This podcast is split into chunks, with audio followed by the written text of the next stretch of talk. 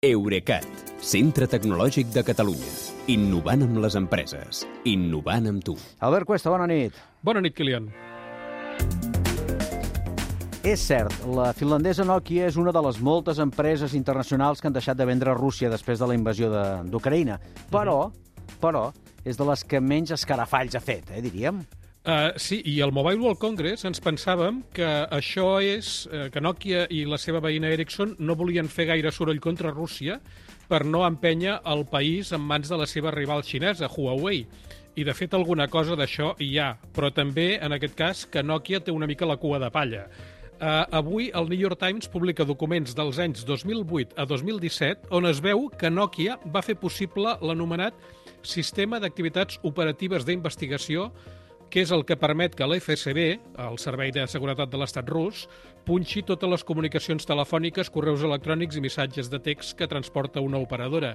En aquest cas, MTS, la més, la més important del país.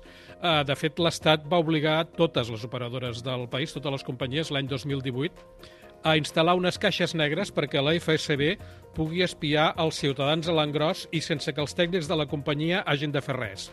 Encara que els equips no són tots de Nokia, els documents sí que mostren que el sistema no s'hauria pogut posar en marxa sense la seva intervenció, la de Nokia, almenys en 12 ciutats russes.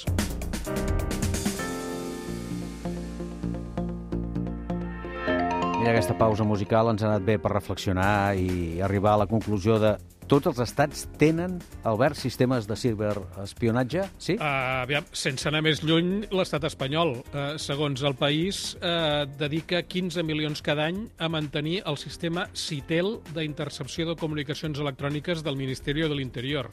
La diferència és que aquí, si més no, cal que l'ordre de punxar comunicacions la tenia un jutge i a Rússia l'FSB va per lliure. Ja. Això sí, sempre que no parlem del Pegasus israelià ni del Galileo italià que es van fer servir per espiar polítics indepes, però que la policia i la Guàrdia Civil neguen tenir. Doncs escolta'm, que ens expliqui una mica Nokia, perquè ara parlarem d'ells. De fet, són notícia també els seus grans competidors en equipaments de telecomunicacions, eh? Uh, sí, aviam, tot, per, per comencem per Xina. Tot i ser de propietat privada, la xinesa Huawei ha fet públics els seus resultats de negoci de l'any passat. A banda de que hi ha una anècdota, i és que qui ho ha presentat ha sigut Meng Wanzhou, la directora financera que va passar tres anys retinguda al Canadà perquè ho va demanar així als Estats Units, les dades de Huawei tenen sorpreses. Per una banda, van facturar un 28% menys que l'any anterior i això és la primera vegada que els hi passa des que van començar a comunicar resultats ara fa 20 anys. Però per l'altra, els beneficis es van disparar un 76% i això també és un rècord històric.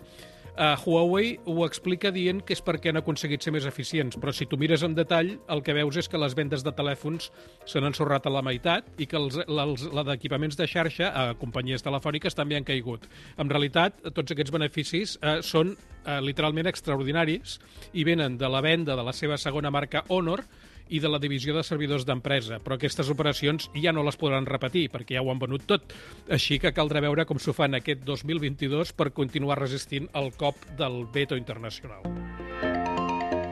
De la Xina tornem a Escandinàvia, perquè la sueca, en aquest cas Ericsson, també té en renou. Fa unes setmanes es va destapar, i crec que en vam parlar, que Ericsson havia pagat entre 2011 i 2019 suborns a l'Iraq perquè els seus operaris, els d'Ericsson, poguessin entrar a territoris controlats per l'estat islàmic a instal·lar les antenes de mòbil que li havia encomanat la telefònica estatal. I per això hi ha qui acusa Ericsson de finançar organitzacions terroristes. Eh, L'empresa ho ha reconegut, diu que ja no ho fa, ha fet neteja del departament jurídic i té fins i tot la dispensa, d'alguna manera, de l'estat suec. Però a la Junta General d'Accionistes, que està convocada per demà, hi ha alguns inversors que tenen intenció de demanar el cap de tota la cúpula de l'empresa. Doncs ja haurem de seguir-ho amb atenció, això. Fins demà, que vagi bé. Bona nit, Kilian. Fins demà. Eurecat, centre tecnològic de Catalunya. Innovant amb les empreses. Innovant amb tu.